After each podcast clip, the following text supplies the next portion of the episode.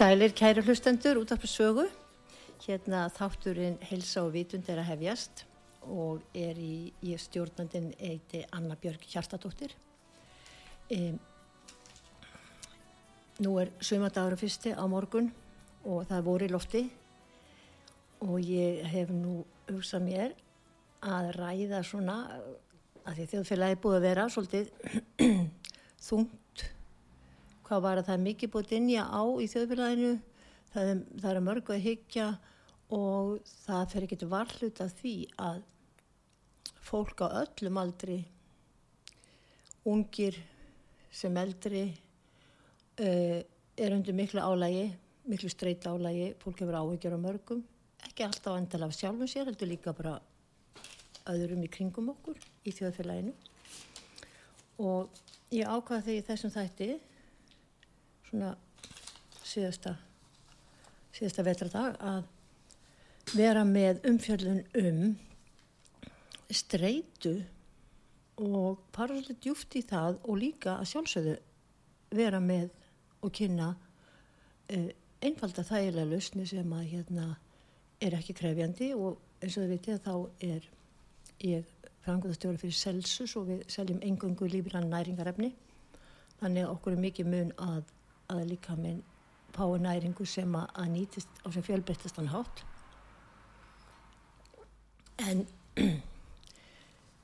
við veitum það að langvarandi undirleikjandi streyta og svo streyta áföll hvíði, debur og áhyggjur að allir þessir áhrifatættir þeir hafa mjög skadvæðilega áhrif á líkama og andlega hilsu okkar.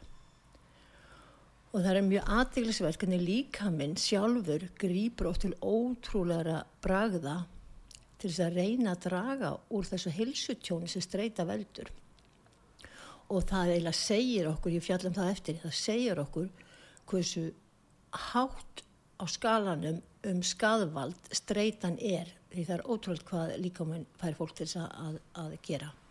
Streytan er erfið eiga við, það er allir samanlega það, læknar vita það að það getur verið mjög erfitt að snúa við ferli streytu, en hún rænur okkur bæði hilsu og gleði. Hún skerðir ótt vinnugitt og vinnuhæfn okkar og lífskeiði en síðan er streyta kannski oft búin að vera svo viðvarandi að við, höfum, við erum ekki alveg fullkomlega meðvitið um það hversu mikil stórkoslega ámenningur það væri að geta undið ofan að streytunni og fengi líka maður þess að framleiða meira af öðrum jákvæðum skemmtilegum bóðefnum og hormónum En viðkendar vísindaransóknir sína að það eru þekktar júrtir sem hafa verið notaðar í þúsundir ára gegn kvíða og streitu sem er að virka með undraverðum hætti. Um, svo ætlaði ég að nota setni hluta þáttaræðin svona í lokin að ég ákvaða að vera ekki með gest í þessum þætti og í síðra hlutuna þá ætla ég að ræða eigni gildi þess að rækta vitundalíf okkar mér finnst það mjög gott framhald af umræðinu um, um streytu og álag og hvernig það rækta vitundalíf okkar, hvernig það stækkar líf okkar og hvað við getum gert til þess að ebla innri sannfæring okkar, ebla öryggiskend og los okkur við óta, vonleysi og vannmáttarkend. Þannig að við byrjum að ræða þess um streytuna. Flesti vita svona ímislegt um streytu og eitt og annað. En þegar maður pærir þetta svona sem held að pakka þá opnast nýju klukkar og nýj sín. E, Streyta á álaskviði er í dag að tala verið helsta helsuógn í nútíma samfélagi. Streyta er orðin tíu svonum algengari en fyrri kynnslóður upplifðu og var nú alveg nóð þá. Um, til dæmis orði kulnun það þekktist vart fyrir 20 árum. Í dag er kulnun í starfi nánast orðin faraldur. Þá er ekki verið að tala um eins og hérna áður fyrr að vera orðin hundleið á vinnunni sinni. Nei, kulnun er sjúkdómsástand og afleðing af langvarandi streitu. En hvað er þá streyta og hvað er kortisol? Því við heyrum stundum eins og að kortisol sé bæði mjög neikvægt en líka mjög jákvægt. Um, neikvæð áhrif af streytu eru skert til dæmis einbytting, minnisleysi, erfitt að skipuleggja sig, eðlilega þegar að minnisleysi hrjáur okkur og það er pyrringur, getur verið slæm ákvörðan að taka. Það dregur nákvæmni í bæði vinnubröðum og, og yfirlit, yfirsýn yfir það sem við erum að gera eða ætlum að gera. Líkamleg enkenni geta verið hjarsláttatröflanir, hárblóðþurstingur, um, hækkun á blóðsíkurskildi. Það er mikið talað um það að dag, mikilvægt er að ná tökum á blóðsíkrunum því að síkursíki 2 er miklu veldisvexti. Það er ennitt faraldurinn en það tengist að sama streyta og, og hálfblóðsikur og, og fleira koma því eftir. Svo líka talaðum að bakflæði og yðrabólka það er svona það sem heitir á ennsku irritated hérna bávalsyndrom og svo eru þessi stóðukerfisverkir eins og til og með þessi vefjagikt og það er svo margt annað sem ég nefni ekki eins og hérna og það er en þetta sýnir hvað er mikilvægt að við kannski hugum að því að hvað er þetta að gera markvist og viðvarandi til þess að halda okkur þar sem að, að helsan hérna stendur með okkur til frambúðar. E, margi vísendamenn sem hafa rannsakað streitu og streitu kvíða segja að streita sig jafn hilsuspillandi og reykingar. Um, ég las að að ræða núna um það svo, svo við heyrum svona að hluta af hvað getur verið lausnin en þá er það aðeins að ræða núna um áður og tökum meira um stöðtuna sínt hefur verið fram á að það er júrt sem heitir Asvaganda uh, lækningajúrt sem að livestream fyrirtækið hérna notar sem uppistöðu í vöru sem heitir Kvikkalm á samt öðru efni sem heitir lemonbalm eða citrónamelissa þau hafa bæði svipuð áhrif. E, þessi lækningagjurt getur læka kortisólmagn hjá fólki sem þjáist á langvarandi streitu og kortisól, hvað er það? kortisól á sem adrenalíni er aðal hormónið sem ber ábyrð á streitu viðbröðum líkamans kortisol losnar eða verður til í nýrnahettunum. Nýrnahettun er ekki nýrun, heldur er þetta innkýrslakerfi líkamans og nýrnahettuna bregðast við streytuvöldum í umhverfinu. Þetta getur verið allt frá því, eins og hefur verið gegnum mangi söguna, að umhverju streytuvaldar, það getur verið til þess að bara vera eldur uppur af rándýri og eiga fótu sem er fjöruleina og það hefur þau, þau áhrif að, að þá fyrir aðrænleina út og síðan vantarlega þegar við lendum í snöggri, snöggu streyta ástandi að þá kemur slökun og eftir. Og það sem er svolítið gott að ræða er það að það er ákveðin tegund af svona skam tíma streytu sem okkur finnst stundum mörgum hverjum alls ekkert leiðileg. Það er svona ástand sem að kemur af adrenalín útspýtingu. Það er svona, við erum mjög mjög hérna, skörp, við erum mjög aðtugl, við erum virkilega finnum að við erum á lífi og það er, svona, það er gaman, það er spenningu tilhökkun og, og það getur líka verið það að koma fram einhver stöð þurfa alltaf ræðu eða, eða leika einhver leikriti eða gera eitthvað sem er svona skemmtileg eftirvæntning að spenna og mörgum finnst bara mjög gaman til þess að stressa sig pínaldi fyrir jólinn þau vilja bara alls ekkert missa því.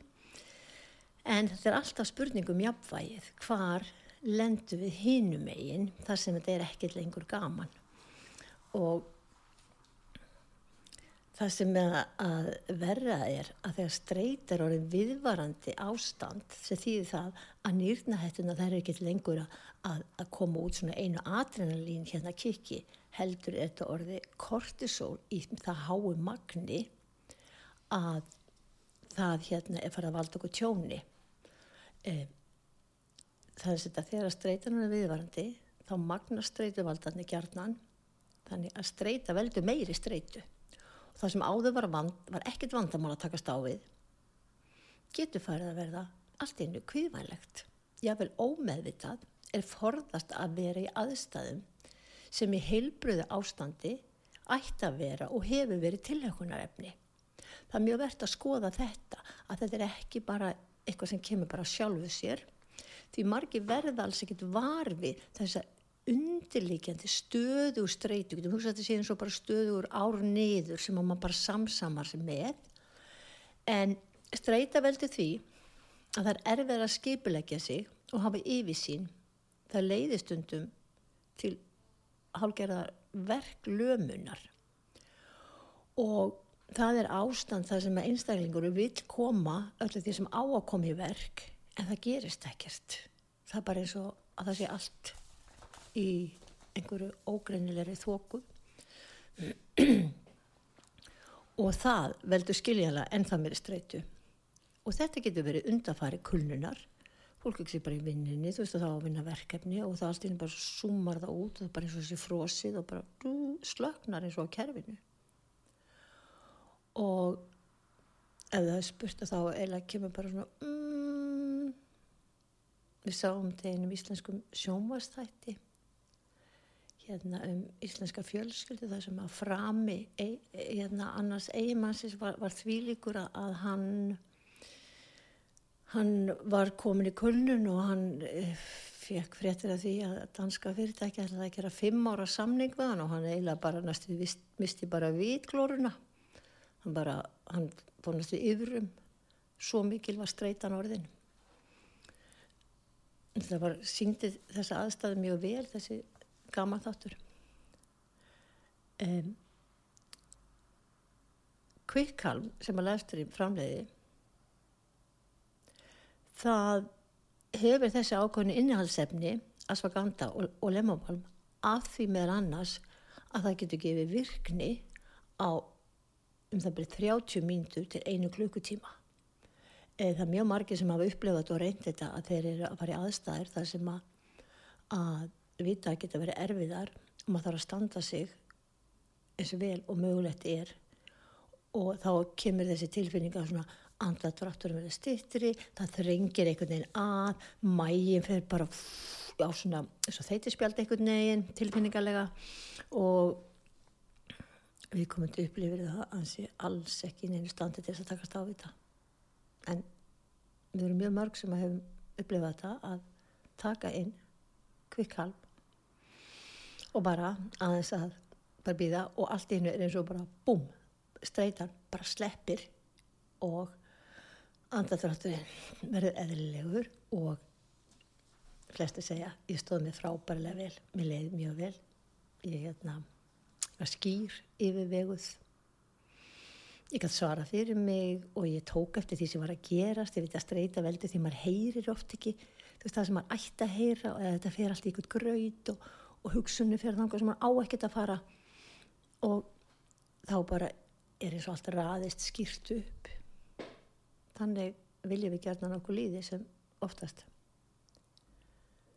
En eins og ég sagði á, á þann að mikilstreita er flokkus af sjúkdómsástand sem að leiði til gríðilega hilsutjóns og það sem meira er streita framkallar ótt að kalla það streitu kvíði sveppleysi líka og hérna krónikst streyta hún dregur úr lífslíkum okkar.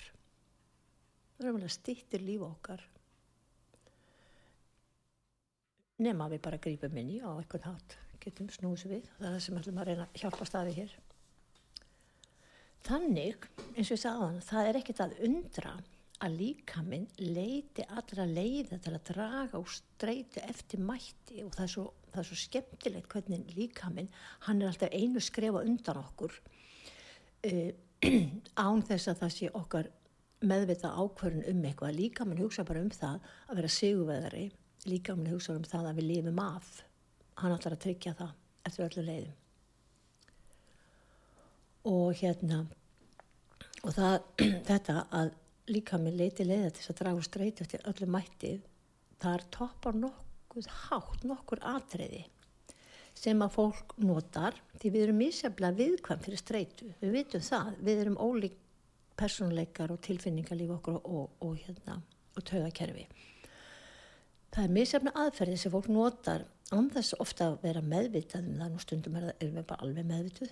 Og það er til þess að slá á svo streytu og kvíðan eina aðferðunum er til dæmis ofátt það bara streytan kallar á að fá einhvern mat einhver, einhver skjót kolvetni það bara það heiti keks og salgæti og alls og, hérna til þess að reyna að fá velliðuna bóðefnin á móti streytu bóðefnunum og þá er matur alveg upplæður og þetta verður það sem ég eftir ég kalla þetta oft sko, tómstunda átt það er að borða án þess að vera söng en við verðum samt að fá eitthvað að því bara líðanin er þannig.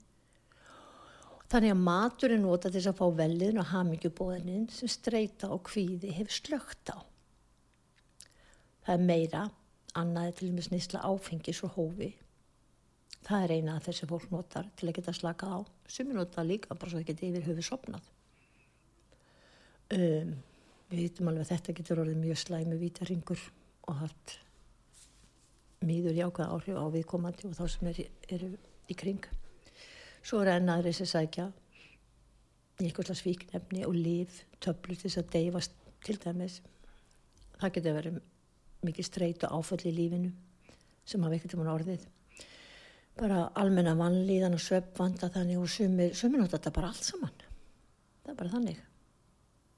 Og við vitum svo nokkur hvernig hilsufarsmæling á þannig einstaklingi lítur út svona grófan dráttum.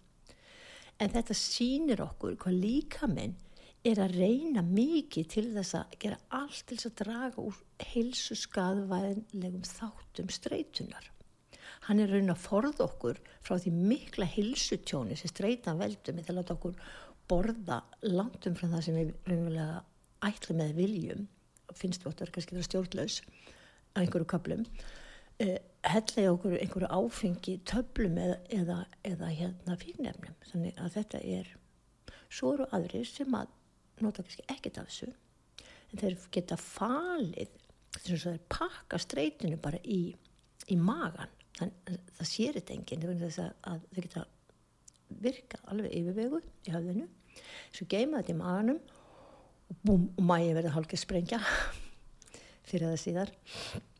En önnu justin í kvikkarn sítrónu með þess að lemonbalm hefur gríðilega góð áhrif á þetta bóðumlarflæði og taugakerfi sem að til er maganum og meldingunni þess vegna er það með það verður kannski að hugsa um alla svo ræðri sem er þannig þegar þeir eru stressaðar þá, þá, þá er allt í höfðinu og, og það kannski hoppar bara út svona svo mæ, poppar mægisbönir út um allt og það fer ekki fram hjá neinum að við komum til stressaður sumuleiti þá losnar að streytan en það er mjög bringt að ná tökum á viðvarandi streyta ástandi hjá okkur og líka að huga okkar nánustu. Að bæta við þessari lækningajöld asaganda getur hjálpa til að draga úr þessu kortisólmagni og það virka þannig að það róar sagt, með því að róa framlöslu með heiladingul og nýrnahettunar þau skilja út þessi hormón eh, að þá því að það er, það er, svo, það er svo erfitt að bara meðvita hugafarslega alltaf segja, já, nú ætlum ég bara að hætta að vera alltaf stressuð. Það, við vitum alveg að það eitthvað virkar ekki, það þarf að gera eitthvað þar til öndunæfingar um að gera og nota það líka. Og hérna og reyfing og það er margir sem er ekki að borða mikið, ekki að neyta neytna svona, en þeir hlaupa og hlaupa og hlaupa og hlaupa og þeir segja, ef ég hlaup ekki alveg endalust líka við, þá kemur kvíðin og strætan. Og hérna ég hef heyrt mjög dúlega hlaupara segja mér frá þessu. En en þó svo ákveða magna adrenalíni skamtíma stundar streyta getið í rauninu verið verið gott og gott fyrir líkanskerfi en, en það þarf að vinda ofan á þegar það er orðið alltaf hátt magna kortisóli til þess að ebla getur líkamanns að, að, hérna, að komast í heilsusamleira ástand. Það var, var gerðar núna undanfarnar sérstaklega síðara ár bara, segja, bara 10 ár, 20 ár. Og ég sé rannsóknum sem eru 2021 og bara nýlegar. Og það var alltaf einn af þessu fjölmörgur rannsóknum af fullörnum sem hafi verið greindi með langvarandi streitu. Þá sögðu þeir sem bætti við þessar júrt asfaganda þeir fyndi minnist streitu og síndu jápramt í mælingu margtækt mingan magn kortisóls í blóði eftir aðeins 30 daga. Eh, viðmiðunahópurinn varð ekki var með neina slíkar jákvæða breytingar. Um, en hvað er það sem að það að taka inn eitt tilkjá dag af svona júrtum, hvað er það sem það gerir fyrir okkur? Um, rannsóknun á 50 fullornum einstaklingum síndi að intaka á 600 mg asaganda á dag í átta vikur leiti til verulegra umbóta á, segja, snerpu, minni, aðtegli, upplýsinga, vinslurraða, þetta er náttúrulega eins og sem að tala um tölveforrið, upplýsinga, vinslurraði. Já, við þurfum að hafa það mjög gott því það gengur allt mjög rætt. Og þannig enn eitt kannski streytivaldarinn, þá sem að samanbórið við hópin sem fekk lifleysu. Það voru gerðar fimm, tók, það voru fimm ólíkar rannsóknir ekki samar rannsóknir, fimm rannsóknir sem að, sem að hérna voru að nota asfaganda og svona sammert var með þeim að það gagnast til að bæta og ebla e, aðtegli viðbrast tíma okkar ef við hugsaum okkur um það vitum við hvernig þau verðum til streitu. Viðbrast tímin er stundum bara uh, bara í ringi uh, og svo þá maður spyrja eh, hvað var ég að fara að gera?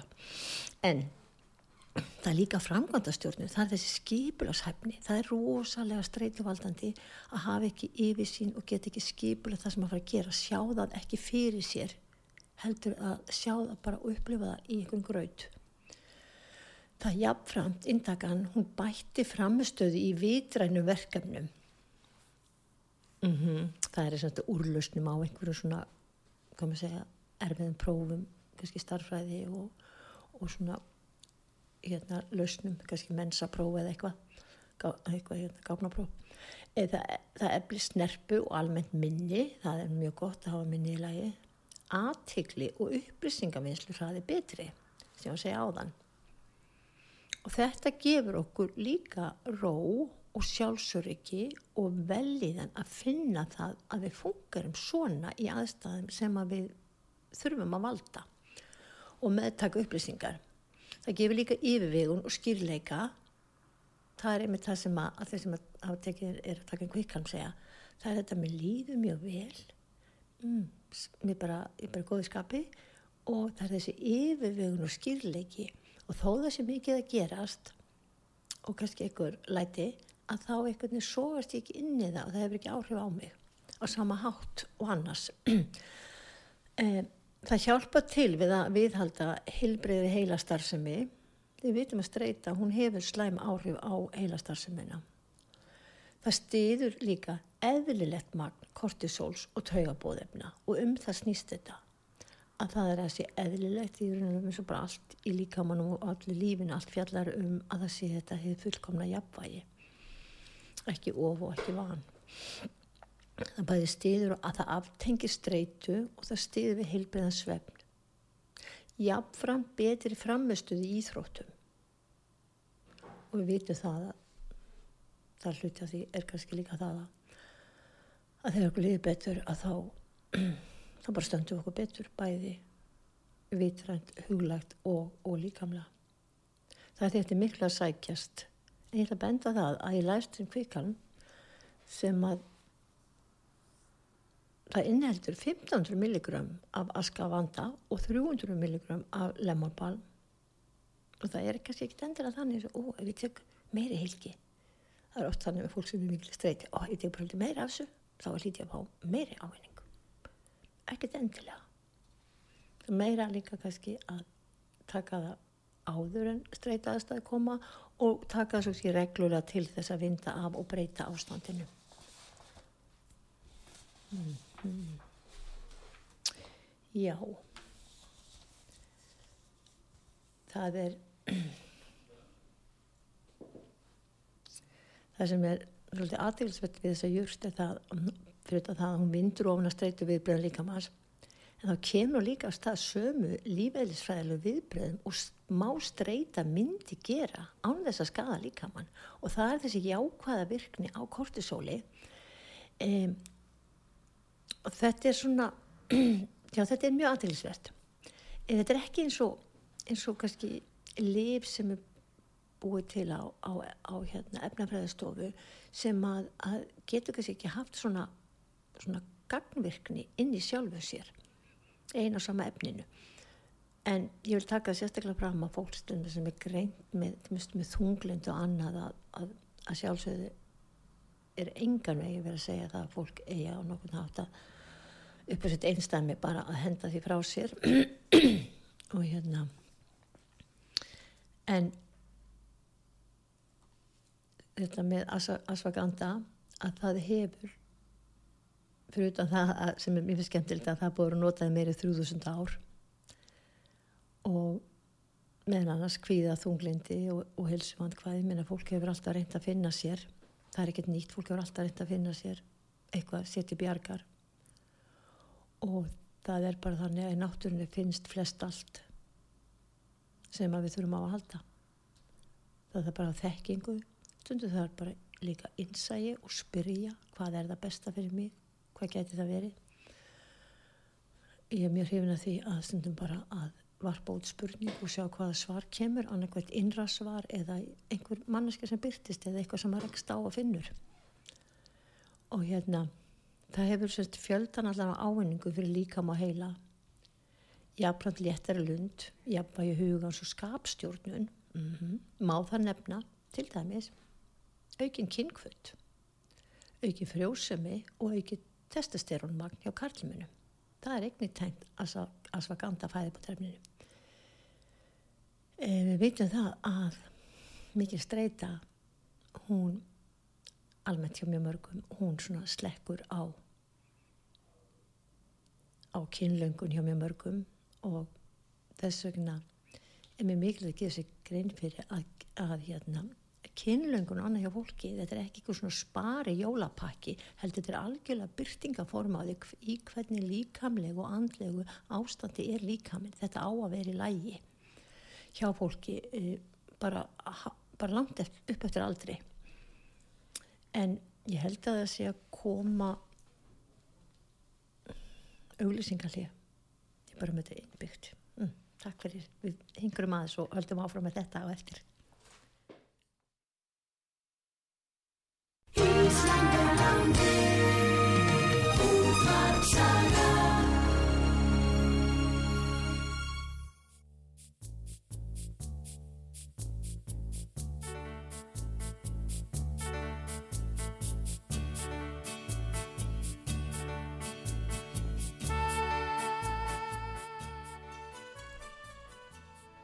Já, ég er komin aftur og er að, með þáttinn heilsa og vitund og heiti Anna Björk Hjartadóttir. Við erum að ræða hérna um streitu og hvað er til ráða og hvernig náttúran verðist hafa, eða ekki bara segja hefur svör við flest öllum því sem að hrjáur okkur. og ég ætla að aðeins að taka fyrir áðurum fyrir lengra með, með, með streitu og, og tengingu við þingdarökningu að það kvíðir, taka örstutum kvíða því að streita og kvíðaröskun er ekki endilega alveg sami hluturinn þó að haldist oft í hendur og sé nátengt en það eru fjölmarkar klíniska rannsókn sem hafa tekist að sína fram á getuð asvaganda júrtarna til að draga úr enginni fólks með kvíða og kvíðaröskun. Því kvíða og kvíðaröskun er gríðarlega hamlandi ástand á lífsgæði fólks. Og það er stundum átakalegt hvað fólk fær ekki raunverulega hjálp til þess að eiga þú veist, hafmyggjusamt gott líf þar sem að það finnir sér örutt og, og hérna í, semst, í eigin skinni sem maður segir. En í einni nýju vegna rannsókn á 64 einstaklingum sem hún ágætis úrtak sem hefðu greinst með kvíða þá sögðu hvorki meira minna en 69% þáttangata sem upplifa mingaðan kvíða og betri svefn. Þetta var borið saman við liflisa hópin sem sögðust þó einhver af þeim upp 11% sögðust hafa upplifa mingaðan kvíða. Við veitum að það er oft svona placebo virkun og bara einbita sér það kannski og fá aðtiklinu og það sé eitthvað að gerast það getur að hafa hjálpað en kvíði, hann getur valdið svefleysi og í vítarring og líka öfugt að hérna fólk sefi bara út í eitt. Með því að næra tögakerfið og dragu kvíða hefur sínt fram á að asfaganda getur raun bætt tíman sem það tekur að sopna og gæði svepsins Niðurstöðu sveppkannana hafa aftur og aftur sínt fram á jákvæða og öfluga fylgni milli kvíðastiks og sveppleysis þannig að þetta er mikils að vinna og ég hef heyrta frá nokkrum einstaklingum sem hafa tekið inn hérna Magnusín Slípsvits sem er með sveppjurtum sem að slökka á ofverkum huga og hérna gefa djúpsvefn á samt því að hafa þörungamagnísíum að það eru nokkri sem eru með það stórt að vandamlega þess að ég, ég næ ekki, ég fæ ekki fullan árangur og þá hef ég bendið mig á það að, að nota kvikkalm, ekkert endilega mornana, heldur bara að kvöldi til. Og það hefur gefið frábæra raun að taka eitt tilki af slípsuts og eitt tilki af hérna kvikkalm. En svo líka tengsl streitu við auka kílóin sem er nú líka veist, það er nú þvílik aukning á ofþyngd en það er líka mikil aukning á streitu. En hérna hvernig getur kvikkalm hugsalega hjálpa okkur og af hverju getur það hjálpa okkur í barátunni við auka kílóin? Það er margir sem upplifa að það sé alveg ótrúlega erfitt að ná á þessu auka kílóm það er margt gert og það er margt reynd en það bara gengur ekki neitt. Það er bara, það hakast ekki kíló. Sama hvað ég geri ég bara, á ég ekki bara að gefast upp eða eitthvað og hérna, og miðjöfittan hún er náttúrulega algjörlega sem fólk segir, hún er náttúrulega það vest að þetta er bara hérna með bara lögheimilið hana, bara post og allt saman. En hormónir eru mikilvægari en okkur gruna til þess að geta grenst eh, Oft er það streyta sem er ástæðan fyrir þingdarauðningu og líka ástæðan fyrir því að geta ekki náðu kílónum af sér. Þannig að streytan getur bæði gert okkur of þung og líka að hérna, komið vekk fyrir það við getum náðu svo kílónum af okkur. Ástæðan, þessi svo kallar streytufita sem hún má kalla hana, en, en hvað er streytufita? Um, þannig er að þegar við erum mjög stressuð og mjög kvíðinn sem er nátengt þá hægist á efnaskjötu líkamanns og öll brensla verða hægari hver er ástafan? Jú, hún er svo að líkaminn heldur að streyta sér tilkomin vegna þess að við sem er mikil hættu stött það er það sem að, að upprunulega hérna allt hefur snúast um. Og við gætum þetta að fara í einhver átök og eða leggja flóta til að bjarga líf okkar. Og þá eins og ég sagði í byrjun líka minn, hann hugsaður um það að við sigurum og að við lifum af. E, þá bregst líka minn við með því að varveita allar orkubyrðir eins lengi og mögulegt er. Og hægt er að leggja til hlýðar líka aðra mikilvæg starfsemi. Þannig að adrenalínið og svo síðan kortisóli það hérna aðræðan setur háma snerp og aðtegli í gang okkur til bjargar. En aftur á móti er, er það þannig að það verður að setja til hliðar aðra starfsemi eins og til dæmis bara það kemur niður á ónæmiskerfinu þegar við verðum fyrir sko einhver svona streyturhæðislu og það kemur niður á, á jákvæðu hormóna hérna, efnasamböndum. Og það hefur áhrif á alveg gríðala marga starfsemi líkamannum því þetta áliti líkaminn að það verður að vika núna fyrir þessu aðal hérna, segja, hættu ástandi að ég verð að, að, hérna, að framlega það mikið á aðræðinni að við komum til bjargist og lifi af. En það er ekki gott að vera svona alla daga, alla ásins en þannig að í þessu ástandi þá er það eðlilegt að þessi að heilbrið góði viðbröð líkamans og setur í gang hámar snerpu og aðtikli okkur til bjargar. En eins og við hefum nefnt viðvarandi streika viðvarandi streita er stór hættileg og þá er líka mann að framlega allt og mikið magna kortisol og fyrir að skada okkur stórlega. Því líka minn þegar svo komi getur ekki snúið efnaskiptaferðlina aftur til eðlilis ástætt eins og hann gerir annars eftir stutt adrenalín útspýtingu. Þá bara hjúk að slaka á og við komum til kvílist og allt verður eðlilegt það segir sér sjálft að langvarandi streytu ástand er það heilsutu spillandi og að því að það hægir að brennslinni þá stuðla það að þingdareikningu eins og fólk segir sem ég þannig bara að horfa á mat ég það bara að horfa á þetta á, á tertu eða eitthvað og þá bara fyrtna ég. Mm. nánast. Og hérna þetta er svo mikilvægt að til þess að, hérna, að það er að, að draga úr og vinda ofana af kortisólinu sem að líkamni heldur í og geimi fytu til að koma sér fytuforða og halda fast í fytuna.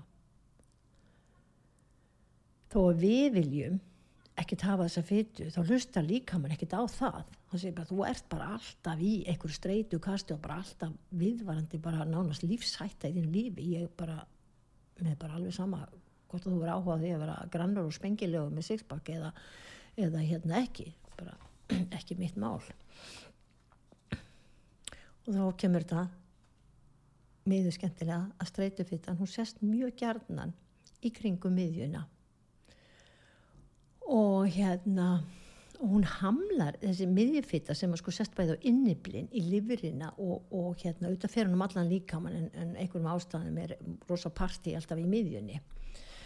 Eh, hérna svona fytuparti en þessi ofgnótt af kortisol hamlar eigni framleyslu vakstarhormóns og kínhormóna sem eru hormón sem þurfa að vera til staðar til að koma í veg fyrir að fitna sapnist svona kviðnum.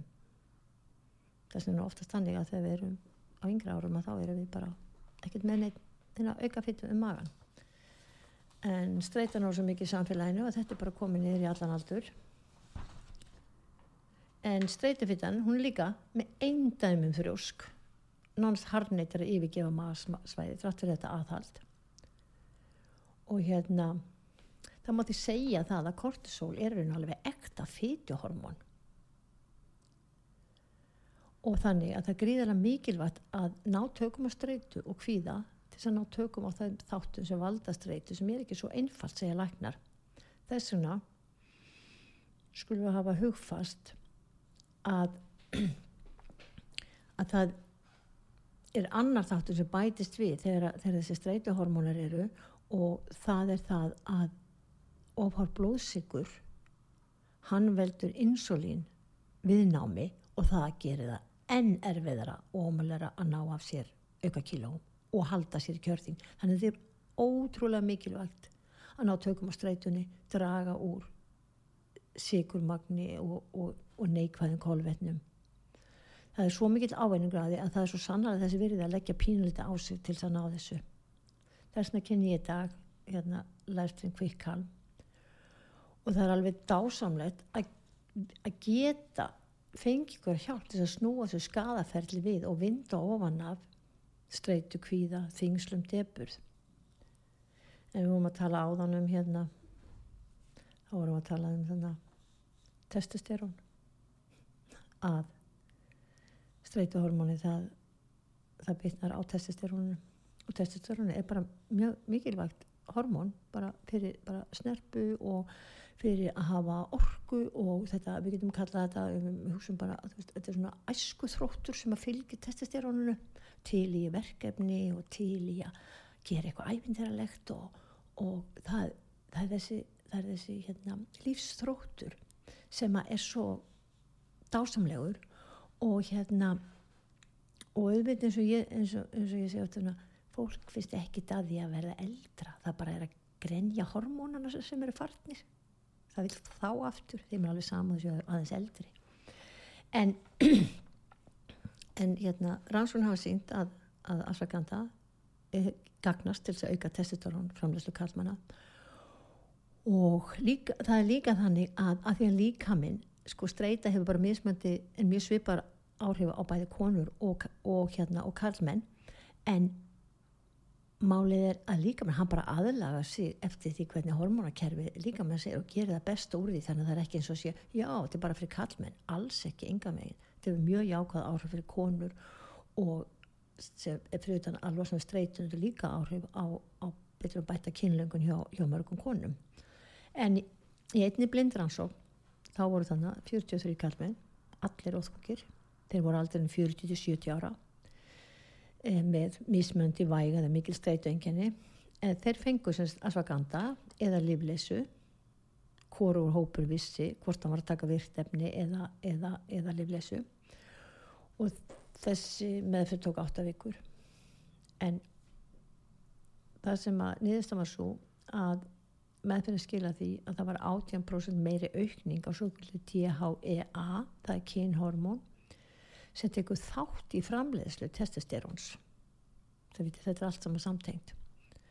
E, þáttengarnir sem tóku asfaganda höfðu eignin það er annað þáttur þeir höfðu eignin um 15% meiri aukningu á testosterónu en þessi tóku lífleyslu e, það er bara heil mikið á svona e, stuttum tíma áttavíku aukþurs komi ljós við endurskoðun í fjórun rannsóknum að það jók líka verulega styrk sæðisfruma.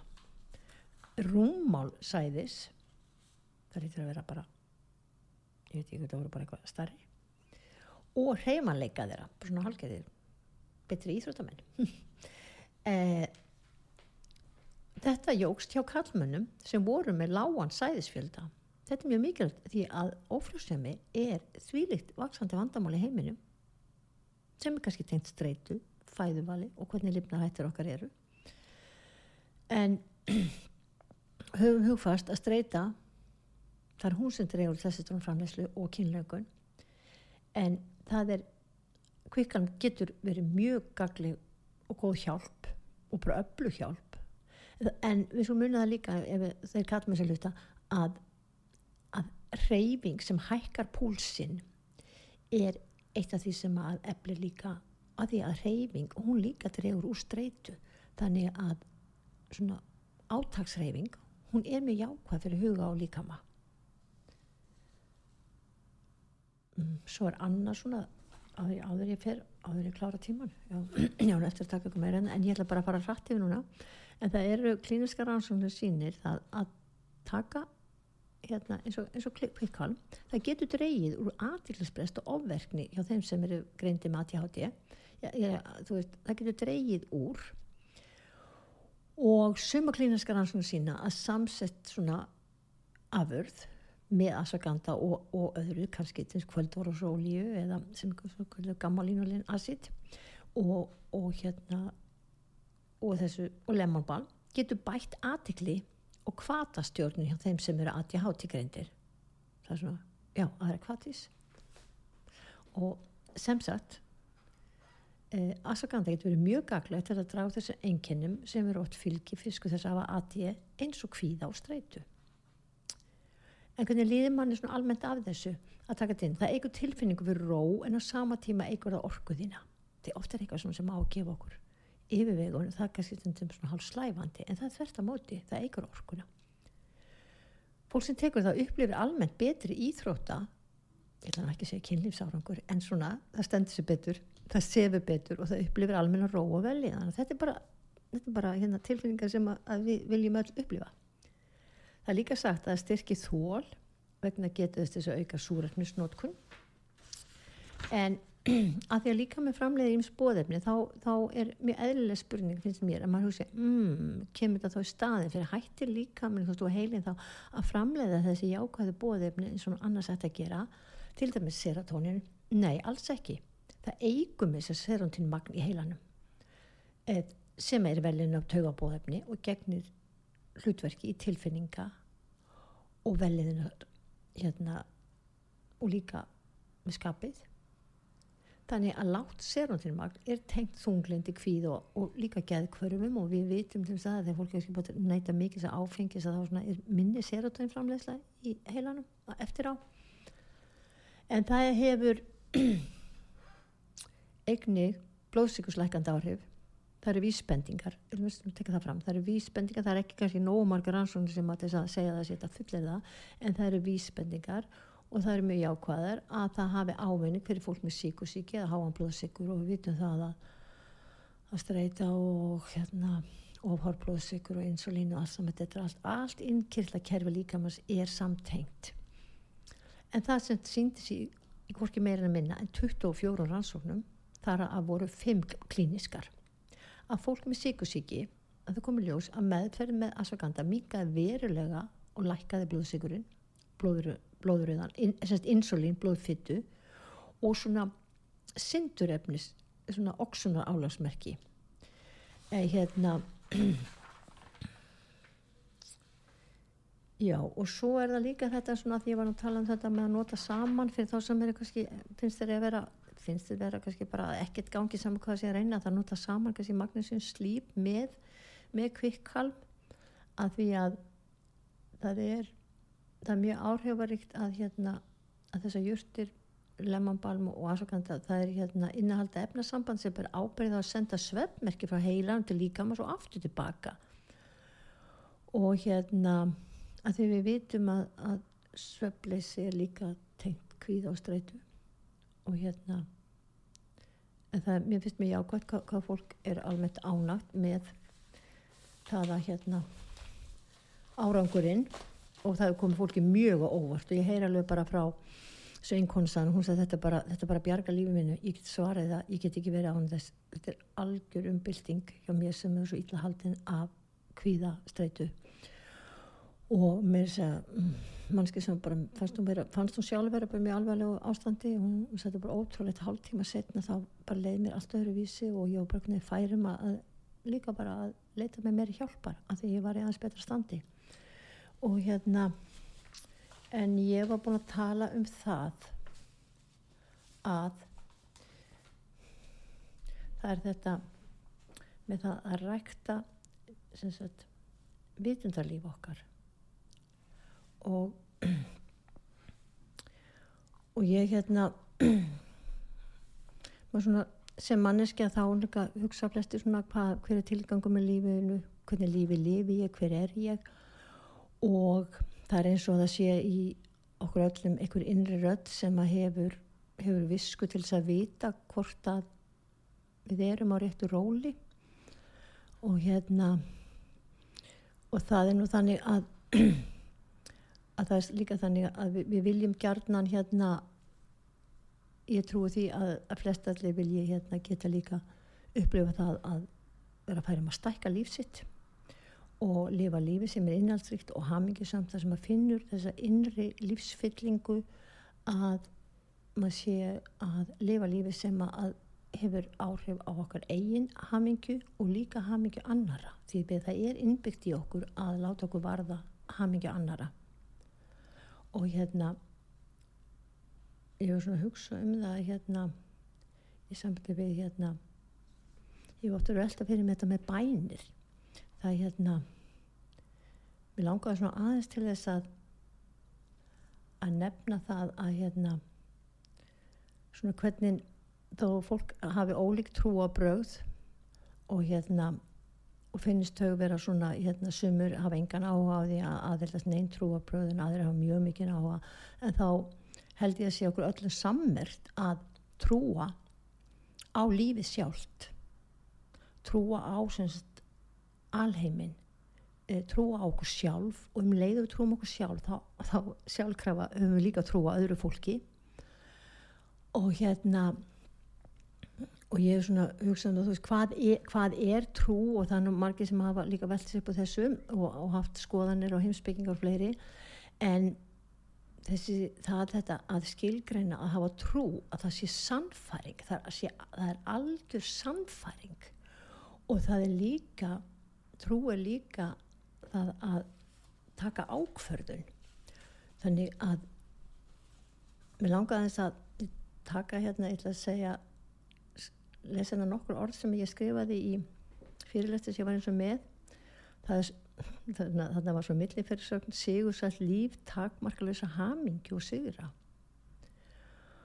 Og það er þetta að mikilvægi þess að taka djúpa ákverðun vegna þess að í bæn að þá eigum við í svona innra samtali við alheimin, við sjálfan okkur og alheimin og í, svona, í, í þessu innra samtali þá tökum við oft mjög djúbstæðar ákvarðanir sem að, að hafa afgerandi áhrif á líf okkar.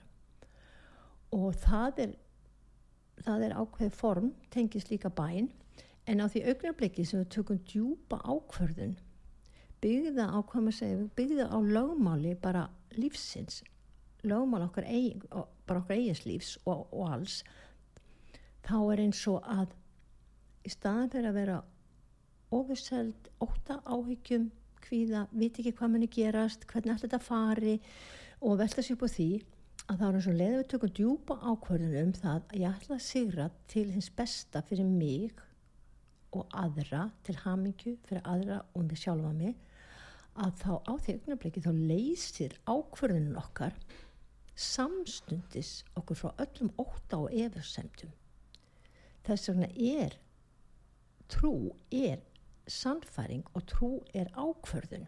Ákvörðun sjálf er umvel að trú. Þannig að það er ákvörðun sjálf sem er einn mikilvægt af framkvæmdin. Að því á því augnabliki sem við tökum ákvörðun og djúft þá höfum við skapað nýja sannleika og það sem ég hef trú á að við séum bæði mikró og makrokosmó það er að segja að allt innheldi hvort annað og við erum hluti af hennu stóra alheimi og hennu stóra alheimir er hluti af okkar minnstu, minnstu frume endum að á því augnarblikki sem tökum ákvarðun sem að varðar að vera í takt við þetta, þetta, þetta lögum á lífsins að þá sköpum við nýja sannleika sem allar alheimin er þáttakað í. Og þar með eru örlegin ráðinn og þannig að ákvarðunin hún riður brautina til sigurs. Það sem gerist er það í staðin fyrir óergi efasendi fyllir líf okkar þá er það gleði og samfæring sem fyllir líf okkar að því ákvarðin hún leysur okkur frá óttan það búið að taka ákvarðina markmið verið skýrt og allar okkur kraftur beinast að því full af lífsorku. Þetta er gríðarlega mikilvægt að rækta þessa, þessa, þessa innri hérna vitund okkar. Og mér langaði að lesa bara upp svona skilgreining á bæn því að ég manna þegar ég var barna þá hugnaðist mér illa þessi aðskilna og fjarlægð sem var sett upp á, á personu gerðan Guðs í mynd og hérna ég fann nú ráð við því setna upp á einn spýtur og þar lendi fann ég framvalda því þar sem ég hafi svona verið að, að hafa leita aða hvort það væri fyrirfindist en það er þessi skýring að bænir eru leið til að komast af. Það eru baróta að yfirvinna veikleik okkar og skort á trú á sjálfum okkur bænir eru framkvæmt sem virkar inn í djúbi lífs okkar og gefur þá sannfaringu að við getum breytt öllum aðstæðum okkar á nokkus efa þannig bæn er leið til að eigða öllum óta og sorgum bæn lýsir upp líf okkar eins og törn vonar. Þannig að bænin er umbylting sem er einhverju endur rítar og breytir örlugum okkar. Að trúa sjálfa sig og vannverða aldrei sjálfa sig er mjög mikilvægt því vannverðing á sjálfa sig er vannverðing á lögmál lífsins og það er anstætt lífinu. Þannig að bænir eru hvorki draumórar nýja óljósar óskir. Það er eftir að vera staðfust loford um ákveðni. Bænir sem er gerðar á svo sterkri innbytni það er bjóða upp á skýran afgerandi árangur og sigur sem að verður sigur ótal, ótal fleiri í kringum okkur en okkur hefði nokkuð tíma grunað. Þetta er megin regla á þessari sönnu einingu allra fyrirbæra. Um, það er það að trú og bæn það þýðir að hafa tröst á þessu ósynilega afli í heiminum, í öllum alheiminum og í líf okkar. Þannig að hérna en bæn er líka hugur ekki til þess að bugast ekki og sigrast á veikleikum. Og það er svo mikilvægt að taka ákvörðin um það að sigra því að það verður ofiseldur óttanum. Það, það bindur okkur og það heftir okkur og stundum er þannig að maður hugsa hvernig get ég stækkað líf mitt? Hvernig get ég tekið framföru og megin reglun er svo að það er að taka ákvörðun um að vinnað einhverju eða, eða leggja krafta sína á einhvern hátt með bæn og framkvæmt sem að breytir lífi og, og einhverju fyrir hamingju annari kringum okkur, breytir einhverju þjáningu, einhverju skorti einhverju sem að, að hérna er, er sorg og þjáning. Ef við tökum slíka ákvörðunum að nota líf okkar þá stækka líf okkar samstundis. Og um leið finnum við að við fyllast á hugrekki viskan, við virkjum visku með því að sína sanna umhyggju. Við fáum lífskraft og við fáum óandalegt hugrekki. Við sjáum þetta í gegnum söguna við sjáum að það fólk sem hefur ánið stórkoslega hluti og það verður erfitt að skilja hvernig við komum til að vera haft alltaf þetta hugrekki og alltaf þennan lífskraft en við búum öll yfir þessu. Og við getum öll notað þetta og bæni hvaða forma sem hún er hver, hverja trúa sem manneski er skiptir einum ekki en það skiptir máli að framkvæma eitthvað slags bæn, samtal, innra samtal við e, alheiminn. Og ég ætla bara að óska okkur öllum gleðileg sumars og þakk ykkur innilega fyrir ykkur sem hlustuðuð hveða sinni, við hýttumst eftir halva mánuð.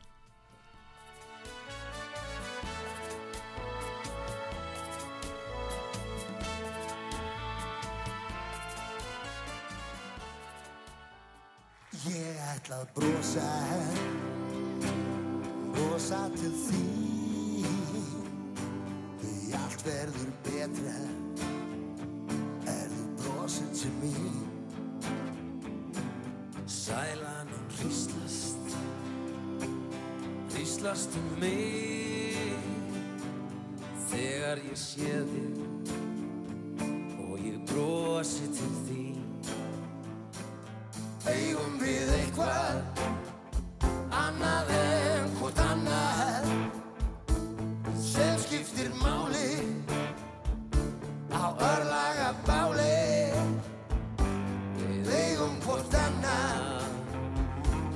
eigum hvort